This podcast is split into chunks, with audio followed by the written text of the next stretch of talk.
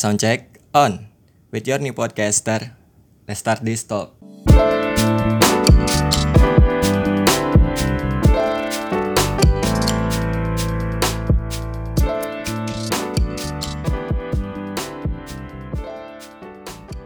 Kan eh, kalau menurut gue ya rata-rata orang tuh concernnya kepada ini lebih kepada mental disorder bukan personality disorder. Kalau menurut gue ya, menurut pandangan gue, mereka tuh lebih condongnya kepada mental disorder aja terus yang dibahas gitu loh. Sementara personality tuh kadang-kadang suka kecampur-campur atau bahkan gak dihiraukan gitu. Sebenarnya Iya. personality disorder Ya. tuh ada apa aja sih? Nah, eh, kan Indonesia kita nih orang-orang psikologi atau ahli psikologi itu punya buku ya, buku saku Mm-mm. diagnosis gangguan jiwa. Mm-mm. Nah, kalau di internasional itu punya yang namanya DSM. Mm-mm.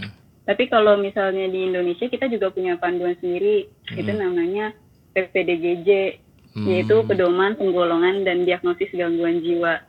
Oh, Nah itu udah sampai edisi 3. Tapi kan kalau DSM yang sekarang itu kan udah sampai DSM 5 ya. iya, iya. Sebenarnya DSM itu hampir sama. Cuman di DSM 5 ada beberapa pembaruan kayak misalnya yang kontroversi banget kayak LGBT udah nggak dianggap lagi gangguan mental gitu kan. Hmm. Iya, jadi dia dianggapnya eh, apa ya orientasi seksual.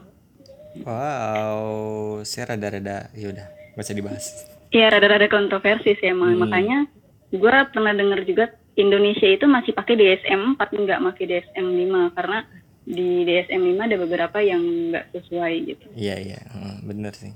Kalau kita berbicara gangguan ini ya, gangguan personality Mm-mm. di Indonesia itu ada paranoid, Mm-mm.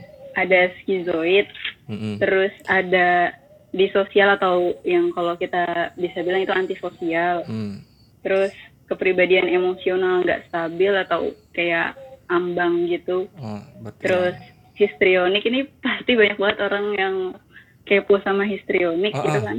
histrionik sama narsistik tuh. Ah, ah, narsistik.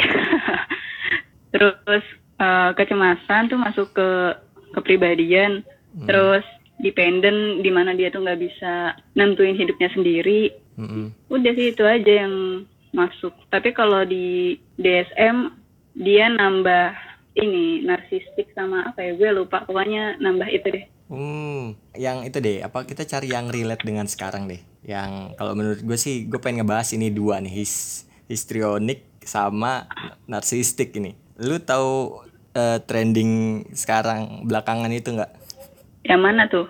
Lagu-lagu Oh iya. Mm-mm, itu kan eh maksudnya gimana ya? Eh kalau gue melihatnya bukan gua bukan gua eh gua meng- iya sih gua ngelihat di komentar kan kebanyakan orang justifikasinya adalah dia mencari sebuah apa ya sebuah perhatian gitu loh dia pengen jadi center of interestnya di sekarang itu seperti apa. Tapi kan caranya eh enggak sih cara yang dia lakukan mungkin dianggap beberapa orang kayaknya seharusnya nggak kayak gitu deh cara yang lo lakukan karena itu mengorbankan dirinya dia sendiri kan banyak hujatan banyak yang ngatain dia tapi entah kenapa dia terus melakukan hal seperti itu gitu loh nah itu kan eh, Jadi menurut lu dia kena gangguan apa? kalau menurut gue ya kalau kalau eh, berdasarkan apa yang gue baca kalau di narsistik bukan tapi cenderung ke histrionik soalnya kalau histrionik kan sama dia tuh pengen jadi pusat perhatian kalau yang gue baca ya berdasarkan apa yang gue baca lu boleh koreksi dah Hmm. histrionik sama narsistik kan ada satu kesamaannya yaitu dia pengen jadi center of interest tapi eh eh, based onnya itu caranya dia melakukannya itu agak beda. Kalau yang histrionik tuh arahnya cenderung sesuatu yang agak menyimpang gitu. Sesuatu yang dianggap sama sosial tuh nggak pantas sebenarnya lu melakukan sesuatu yang seperti itu. Mungkin either itu Iya, mengorbankan mengorbankan dirinya atau mengorbankan orang gitu. Kalau sementara kalau narsistik tuh ya dia pengen dengan eh, apa ya dia pengen dia dia pengen jadi pusat perhatian dengan segala egoismenya dia. Tapi eh, caranya mungkin masih bisa dalam batas toleran gitu tapi lu bisa koreksi gua sih tapi yang dicenderungkan di narsistik kalau menurut gua ya egonya dia itu egonya dia yang sangat dia sangat tinggi lah gitu lah Di Indonesia histrionik itu biasanya dikenal sama orang-orang yang suka berdrama loh. Jadi dia suka Hmm. lebih melebih-lebihkan apa ya ekspresi dia, emosi dia. Hmm. Itu suka dilebih-lebihin. Hmm. Nah kalau misalnya narsistik itu kan lebih ke aku gitu. Pengen di Oh. aku pengen diakuin pokoknya. Dia juga melebih-lebihkan, tapi dia lebih melebih-lebihkan apa yang udah dia kerjain gitu. Mm-mm. Kayak misalnya gue nih ya, gue eh, lomba lomba debat kemarin kan juara satu terus Mm. kalau gue narsistik, gue bakal Hmm. bilang sama orang-orang, weh gue kemarin juara satu. Kalian tahu gak sih, itu tuh gue lomba selampung, itu tuh lawannya susah-susah banget, gila. Orangnya pada pinter-pinter banget, dan tapi ternyata gue lebih pinter dari mereka. Itu tuh narsistik. Ah. Pokoknya dia pengen diakuin, dia paling pinter, dia yang paling Ah. istimewa, Ah, dia yang paling-paling. ah. Tapi kalau histrionik kan, dia juga gimana ya, dia butuh perhatian. Mm-mm. Tapi dia lebih kayak drama gitu. Ta- tapi Kayak kan drama terus dia apa? tapi kan si si mbaknya itu kan juga melakukan banyak drama dengan ya Anda mengerti lah dengan teman-temannya itulah dengan pacarnya dulu lah katanya kan itu kan drama semua kan. Hmm. Ya kalau histrionik tuh gini ya, dia tuh pengen jadi pusat perhatian. Nah kalau misalnya eh lu lu nih misalnya penderita histrionik ya, Mm-mm. Pokoknya gue harus jadi pusat perhatian nih. Lu harus jadi pusat perhatian. Kalau misalnya lu nggak jadi pusat perhatian, lu tuh bakalan marah-marah sama orang yang ngambil posisi lu gitu. Hmm. Terus lu juga kadang-kadang seakan-akan kayak mikir gini, ih dia ini ngambil posisi gue, jadi kayak seuzon gitu, Hmm. sama iri gitu sama orang yang ngambil posisi lu. Ah, tapi itu menarik sih buat diperdebatkan dua-duanya itu narsisik sama histrionik. Iya iya emang. Mungkin Terus nanti juga eh, orang-orang histrionik itu biasanya ini punya ekspresi yang gampang banget beralih. hmm, gimana tuh? Ya gimana ya pokoknya eh, mungkin dia lagi bad mood gitu ya, lagi Hmm. bad mood. Terus karena emang dia harus jadi pusat perhatian, Hmm. ya dia harus eh, apa ya beralih gitu cepet-cepet beralih emo apa ekspresinya atau emosinya dia tuh harus jadi yang menyenangkan supaya Nah. dia jadi pusat perhatian. Ah, terus ya bisa jadi nanti ketika dia di rumah nanti atau dia lagi sendiri dia bisa aja beralih lagi.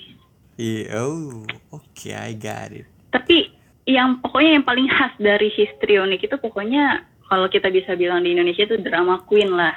Orang-orang yang drama queen. Ah, tapi dia itu juga gampang selalu dipengaruhi sama orang lain. Kenapa begitu? ya emang sifatnya begitu kalau misalnya dia nih kan dia orang yang nyari pusat perhatian. Jadi kalau misalnya lu misalnya histrionik nih Mm-mm. terus gue bilang eh eh nanti kita ke sini yuk eh, supaya kita bisa upload IG gitu terus eh, nanti aku upload deh gitu. Misal followers gue banyak kan gitu. Terus dia kayak iya udah ayo dong nanti lu promotin gue gini gini gini. Itu bisa jadi orang-orang histrionik karena dia kayak udah lebay banget gitu mau ayo ayo ayo terus gampang banget dipengaruhi padahal padahal lu tuh dibohongin sama temen lu kadang gitu Hmm. tapi demi mencari perhatian temen lu supaya temen lu suka sama lu Ah. ya lu mengiyakan aja gitu dengan cepatnya Ah. Nah, itu nyambung ke mbaknya itu lagi soalnya dengan segala segala banyak komentar netizen dan eh, apa ya anggapan mereka asumsi mereka bahwa dia tuh sebenarnya tuh polos-polos aja atau gimana lah. Atau memang dia kaget akan ketenaran ya kan? Dia jadinya eh, ada orang di baliknya dia tuh yang bilang eh ngelakuin ini yuk nanti makin Nah. dipandang loh makin di, makin terkenal loh makin banyak yang perhatian ke kamu Iya. gitu loh. Kasian ya sumpah gue sama dia. Ya ya kita kan nggak kita kan nggak bisa secara klinis mendiagnosis dia kan. Kita kan cuman bisa iya kan gue juga nggak nggak pernah men assessment dia gitu. Gue nggak pernah mewawancarai dia. Gue nggak pernah mengobservasi dia. Gue nggak pernah ngasih alat tes ke dia buat tahu dia tuh kayak gimana.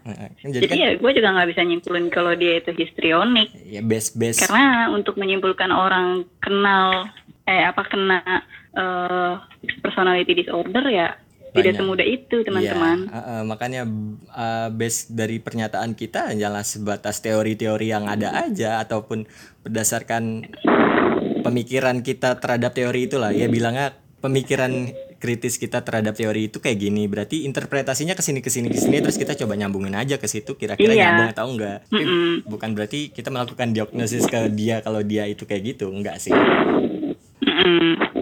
Kita nggak ngasih diagnosis ke dia gitu sih, cuman ya cuman Inter- berasumsi dan cuma sekedar berbagi aja. interpretasi aja lah terus yang lainnya nih yang Mm-mm. yang kadang orang-orang sering eh, apa ya sering mengaitkan ini dengan dengan orang yang pribadinya agak introvert anti-social disorder biasanya orang yang introvert yang mungkin pendiam tuh sering banget mereka susah ngebedainnya gitu loh. Apakah dia introvert ataukah dia anti-sosial gitu. Padahal kan secara eh, orang yang introvert itu kan bukan berarti dia anti-sosial kan? Iya iya, menurut lu gimana? Bener. Kalau menurut gua kan orang-orang eh, di sosial atau antisosial ini kan ini ya kayak dia tuh juga kan ngelanggar apa ya kayak nggak suka sama norma-norma yang ada di lingkungan dia. Tapi kan kalau orang introvert ya dia kan bocahnya manut-manut aja supaya cepet. Iya iya betul betul. Emang kadang-kadang banyak stigma gitu loh. Banyak apa? Stigma banyak stigma dari masyarakat gitu loh. Yang Oh iya cuman, emang cuman banyak karena banget. Jadi emang ini emang perlu dilurusin. Jangankan buat sekedar uh, personality disorder atau uh, mental disorder ya yang Hmm. Banyak banget stigma sama masyarakat. Lu pengertian psikologi aja juga banyak banget stigma di masyarakat. betul betul. Pokoknya disuruh baca kepribadian lu, lu kata lu kata gue nian apa Cenayang. cenayang betul. Heeh, betul. Iya tuh banyak banyak dari temen gue yang pengen tahu kepribadi, kepribadian orang ya hanya dengan berdasarkan apa ya hal-hal yang belum tentu bisa menjadi dasar yang kuat gitu loh. Ya kita bukan cena bukan berarti kita belajar psikologi terus kita bisa dengan asal menentukan kepribadian orang tuh kayak gini terus ini kayak gini enggak kayak gitu iya kan karena karena ya buat tahu kepribadian itu lu punya eh, lu pasti butuh yang namanya eh, assessment Assessment. psikologis. Heeh. Gua aja dapat dua semester 4 SKS sama 6 SKS. lu yang orang awam mau ngepelajarin kepribadian asal pluk aja itu gimana ceritanya? Gue yang anak psikologi aja dua semester 10 SKS, gila. ya itu makanya satu lagi deh Pokoknya apa tuh? anu di ID ini sebenarnya Apa? gua nanya. di ID Di ID ya? tadi ya Heeh, tadi Heeh. kemarin gua ini ya kemarin gua tuh denger podcast eh adalah podcast eh, podcast apa namanya nggak usah nyebut namanya deh podcast horor lah pokoknya gitu kan.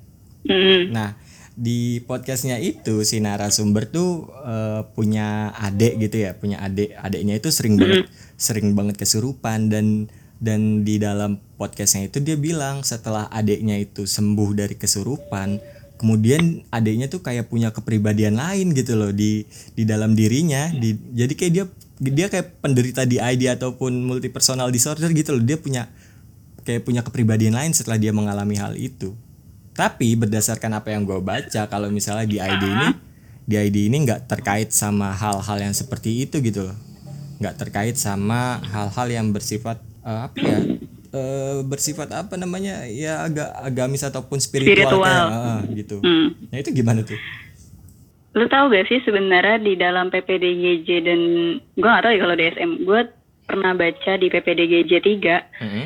Itu ada diagnosis mengenai kesurupan. Oh, Jadi ada pandangan sendiri mengenai kesurupan dalam psikologis. gimana tuh Dan itu beda sama di ID. oh alah ya makanya kan Beda. Dan lu tahu si lu kalau mau ngupas kesurupan lagi lu cari disertasinya Jung. Jung itu pernah diserta, bikin disertasi mengenai kesurupan dari eh, sudut pandang psikologis. wah masa tuh wah nanti deh gue cek silakan dicari buat teman-teman lu juga mungkin pada mau nyari nyari lah sana nah Ya. kalau di ID ini kan eh dissociative identity disorder ya dia tuh ga- gangguan identitas kan Mm-mm. jadi eh dia itu emang kalau orang awam itu bilang dia itu punya kepribadian itu lebih dari satu ganda atau majemuk karena Mm. biasanya orang-orang yang apa ya punya penyakit mental ini Mm. dia nggak nggak cuman dua kepribadiannya bisa sampai 20 Mm-mm. mungkin kalau lo emang mau tahu banget persis orang di ID itu kayak gimana, lo bisa nonton film Split. Split. Oh iya iya. itu iya. gue rekomen banget. Ah, ah, ah. Nah, jadi kalau orang di ID itu, ya itu dia punya kepribadian yang beda-beda dan namanya itu beda-beda. Umurnya pun beda-beda. Pasti biasanya orang yang di ID ini ada peran anak kecilnya, ada Hmm. peran wanita parubayanya. Gue nggak tahu, tapi rata-rata tuh ada dua itu. Terus eh, di apa ya? Di dua kepribadian itu biasanya ada satu kepribadian yang mengendalikan Ah, ah, yang kayak di film Split itu yang mengendalikan siapa ya gue lupa tuh pokoknya dia yang jahat itu yang nyulik nyulik dua anak itu itu yang mengendalikan kepribadian kepribadian yang lain jadi kepribadian apa kepribadian jadi dia punya sekitar 20 atau 21 kepribadian Hmm, nah yang lain itu bisa masuk ke tubuh dia kalau diizinkan. atas persetujuan si orang ini gitu Iya. jadi orang ini eh kepribadian ini yang megang kendali bahkan Hmm. yang kepribadian aslinya itu Hmm. itu dia nggak nggak dikasih kesempatan buat masuk ke tubuhnya gitu. Hmm. Hmm. Pokoknya ini ini keren banget dan ini masih kon- masih jadi kontroversi sih karena eh apa ya populasinya tuh masih sedikit banget di dunia. Iya sih emang. Hmm. Nah gue baca waktu itu nih kan gue dapet ini di psikologi abnormal ya psikologi abnormal dan gue dapet di semester ini Hmm. itu tuh gue baca masih di kontroversi di beberapa negara karena ada yang bilang apa sih itu tuh gak ada itu cuman kayak orang yang pura-pura yang cuman kayak mempermainkan elu aja gitu Hmm. ada yang bilang kayak gitu psikolognya Bahkan ada yang ada yang mikir kalau misalnya di ID itu ya apa cenderungnya malah ke skizofrenia katanya. Karena kalau skizofrenia kan dia delusi gitu kan. Tapi kan ada bedanya yang gue berdasarkan gue bacanya ada bedanya antara di ID dengan skizofrenia. kan kalau di ID itu punya kepribadian ganda nah kalau skizofrenia itu pikiran yang terbelah jadi eh, dia itu pecahnya eh, kognisi nanti gini deh gue saranin ke lu atau siapa pun yang dengerin podcast ini Hmm. lu nonton dua film ini dan lu bakalan bisa bedain mana split man eh mana apa di ID mana Skizofrenia. skizofrenia. Yang satu kalau lu mau tahu tentang di ID, lu nonton split. Hmm. Kalau lu mau tahu tentang skizofrenia, lu nonton Beautiful Mind. Itu gue belum pernah nonton. Sumpah gue nonton Beautiful Mind, lu kayak lu dibawa gila sama film itu gitu. Bagus banget. Mm-mm. Tapi aneh, tuh pelajaran psikologi kepribadian itu kayak suruh nganalisis film itu gitu. Iya itu bagus sih. Tapi anehnya ya banyak banyak gue cerita ya ke teman gue kalau gue tuh suka suka banget de- nonton film-film yang ada baunya tentang psikologi gitu ya baik itu psikopat lah ataupun misalnya kayak tadi split gitu kepribadian ganda ada juga gue pernah nonton film Jepang itu satu cewek dia punya empat kepribadian ya dia itu s- suka ngebunuh pacarnya pacarnya gitulah dan eh, apa ya eh, stigmanya masyarakat kalau kita nonton film-film kayak gitu kita itu malah didiagnosis kita juga psikopat kita juga di ID aduh sulit sekali untuk mencari iya. ilmu Gini karena eh, makanya gue agak khawatir sih buat orang-orang yang terlalu banyak speak up mengenai mental disorder atau personality disorder. Mm-mm. Ada yang namanya fenomena catcoping. gimana tuh? Gue juga nggak paham sih tapi eh, kayak ketika lu nonton itu, Mm-mm. jadi orang itu kayak apa ya kayak ngopi di, jadi kayak eh apa gue kayak gini ya. Pertama tahap pertamanya dia self diagnose dulu. Ah, dia self diagnose apa gue kayak gini kayak gini ya? Jangan-jangan gue kayak gini. Nah maka setelah dia mendiagnosis dirinya dia kayak gitu akhirnya terjadi beneran gitu sama dia hmm. berarti atau sebenarnya bisa juga eh, ini gimana psiko apa ya psikosopatis eh psikosomatis jadi dia Hmm, hmm. eh ini nggak terjadi sama psiko apa sama mental aja sih ini bisa terjadi kayak situasi sekarang corona Iya, nih ya iya, penyakit lu kebanyakan baca berita corona, lu kebanyakan baca gejala-gejala corona. Jadi- Gue pernah ngalamin ini ya. Terus gue gue kan baca nih berita corona. Sumpah gue Hmm. ini kejadian di kosan. Terus habis gitu kan waktu itu corona belum masuk ke Lampung ya. Mm-mm. Terus tiba-tiba masuk ke Lom- eh, masuk ke Lampung dan Hmm. ada orang yang kena corona itu di eh, Pulau Untung Jawa kan. Mm-mm. Nah itu persis banget di belakang kosan gue and then dan gue gue kayak ngepres gue ngepres rasa takut gue dan uh, gue ngepres rasa takut gue gue tidur gue Hmm. tidur terus tiba-tiba gue bangun badan gue panas gue batuk gue pokoknya ngalamin gejala-gejala yang sama kayak corona gitu Iya iya iya.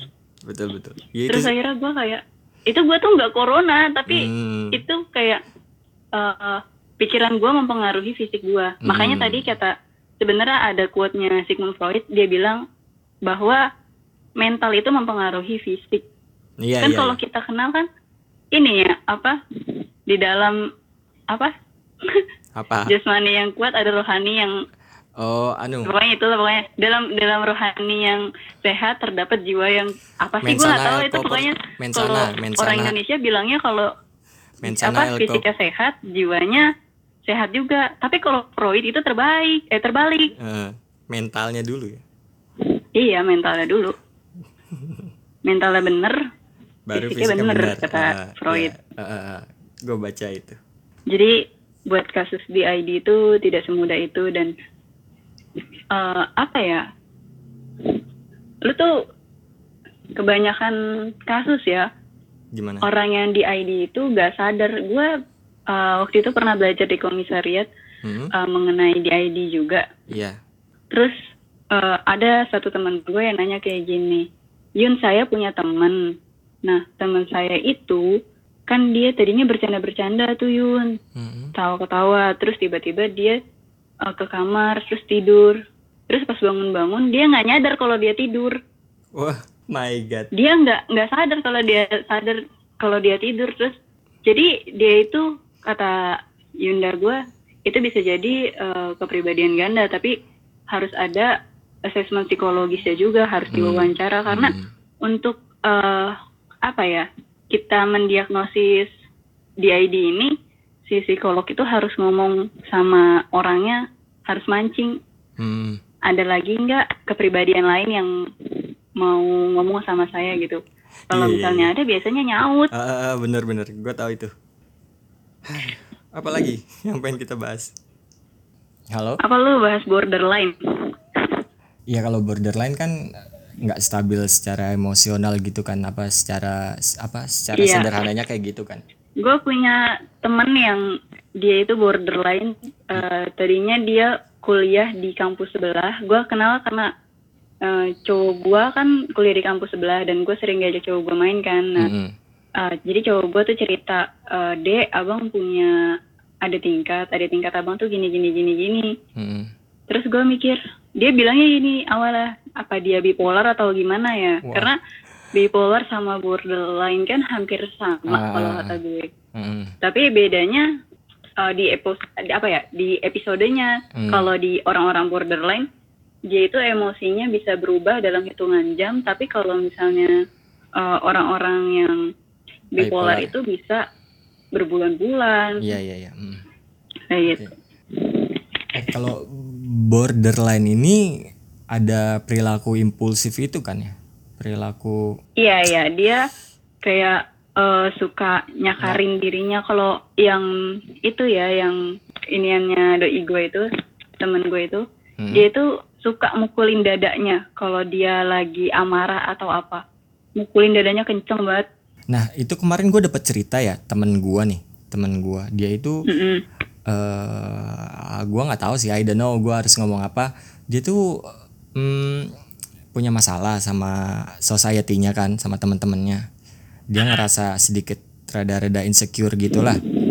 Nah itu ngakibatin dia jadi mungkin stres ya mungkin stres. Tapi dia tuh udah sampai melakukan self harm gitu loh melakukan ke- tindakan impulsif gitu loh. Dia sampai kadang-kadang dia tuh nangis sendiri. Kalau nangis mungkin nggak terlalu ya nangis sendiri. Terus kadang-kadang dia tuh mukulin kepalanya dia sendiri atau nampar pipinya sendiri gitu loh apakah itu bisa di masuk kategorinya borderline ini bisa jadi udah gitu kan dia punya apa ya hubungan sama teman-temannya yang nggak bagus juga kan Mm-mm. itu bisa jadi salah satu indikator sih sebenarnya sama emosi dia yang nggak stabil atau Hmm. mungkin nanti dia dalam kesehariannya di gua nggak tahu sih kalau di orang lain di temen gua ini Mm-mm. dia dalam sehari itu eh, bisa gimana ya sehari itu bisa jadi orang yang amarah dalam hitungan berapa jam, ntar jadi orang yang seneng banget Hmm, dalam berapa jam, terus nanti balik lagi kayak gitu.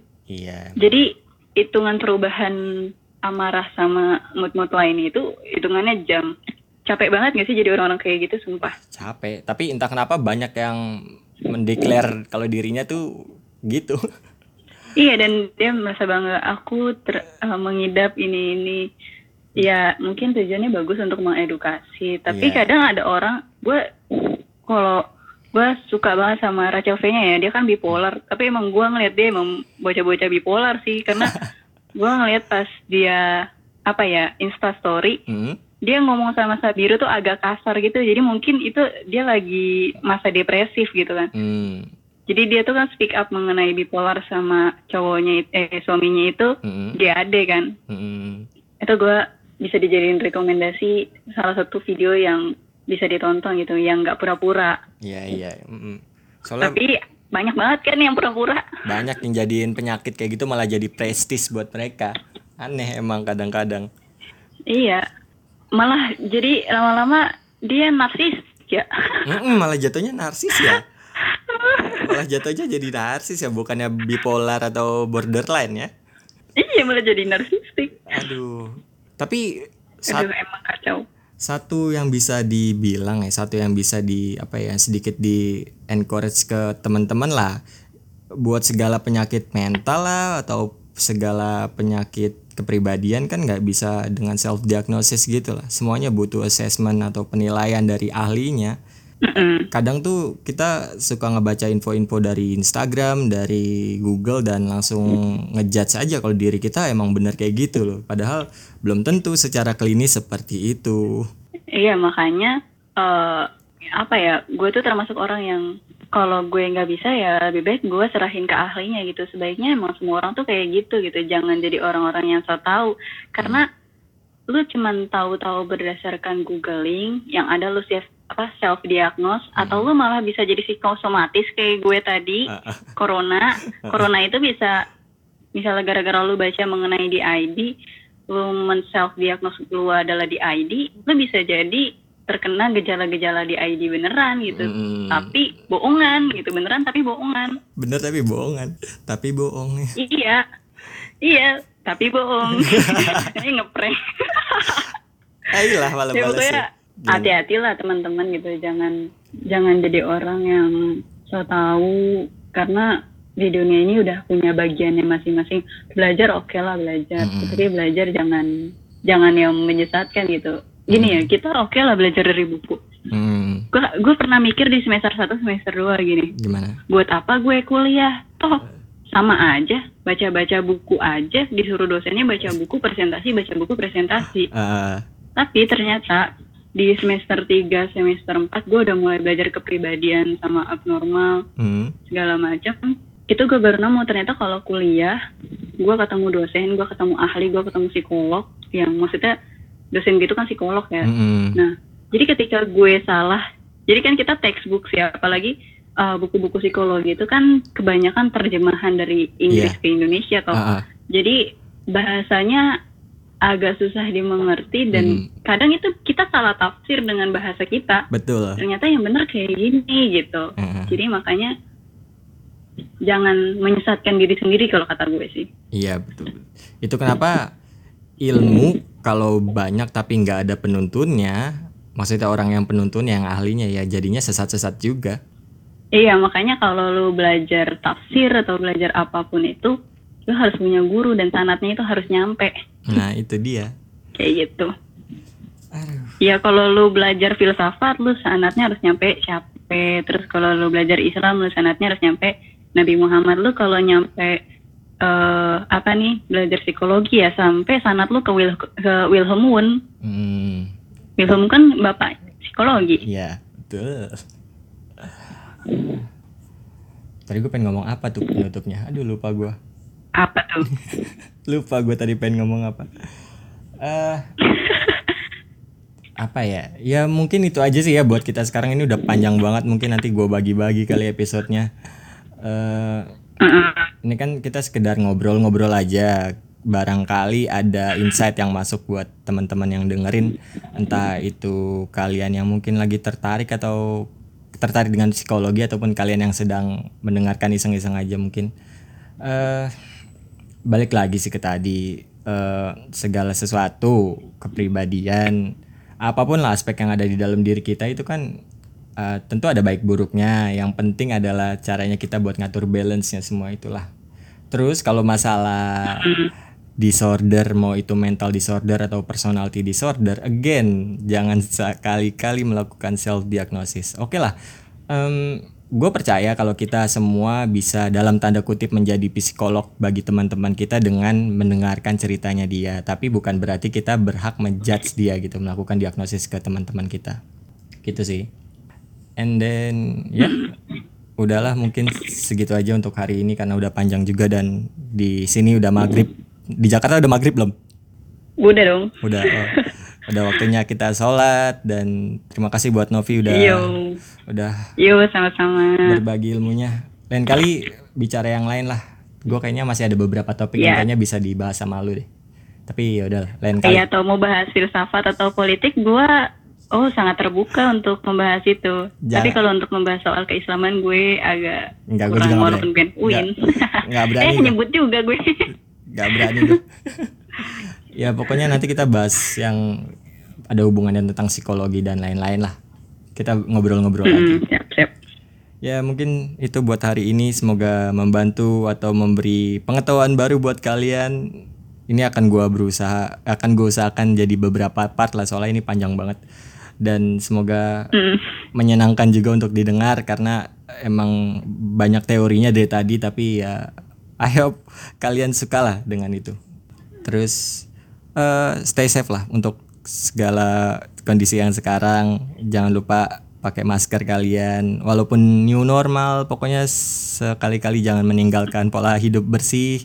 Terus physical distancingnya coba jangan jangan jadi warga-warga yang kampret makin memperbanyak kasus dan lain-lainnya. Pokoknya jangan bebal lah, jangan bebal lah. Iya tahu pemerintah lagi susah dan kadang-kadang memang kebijakannya perlu dipertanyakan. Tapi ini semua harus kerjasama dari kita. Ya sekian dan terima kasih sudah mendengarkan. Sampai jumpa lagi di Cah Podcast berikutnya. Sign off, bye. Udah habis? Udah. Aduh panjang banget loh. Berapa jam ini? Dua jam. Iya, Gila. Anjir dua setengah jam.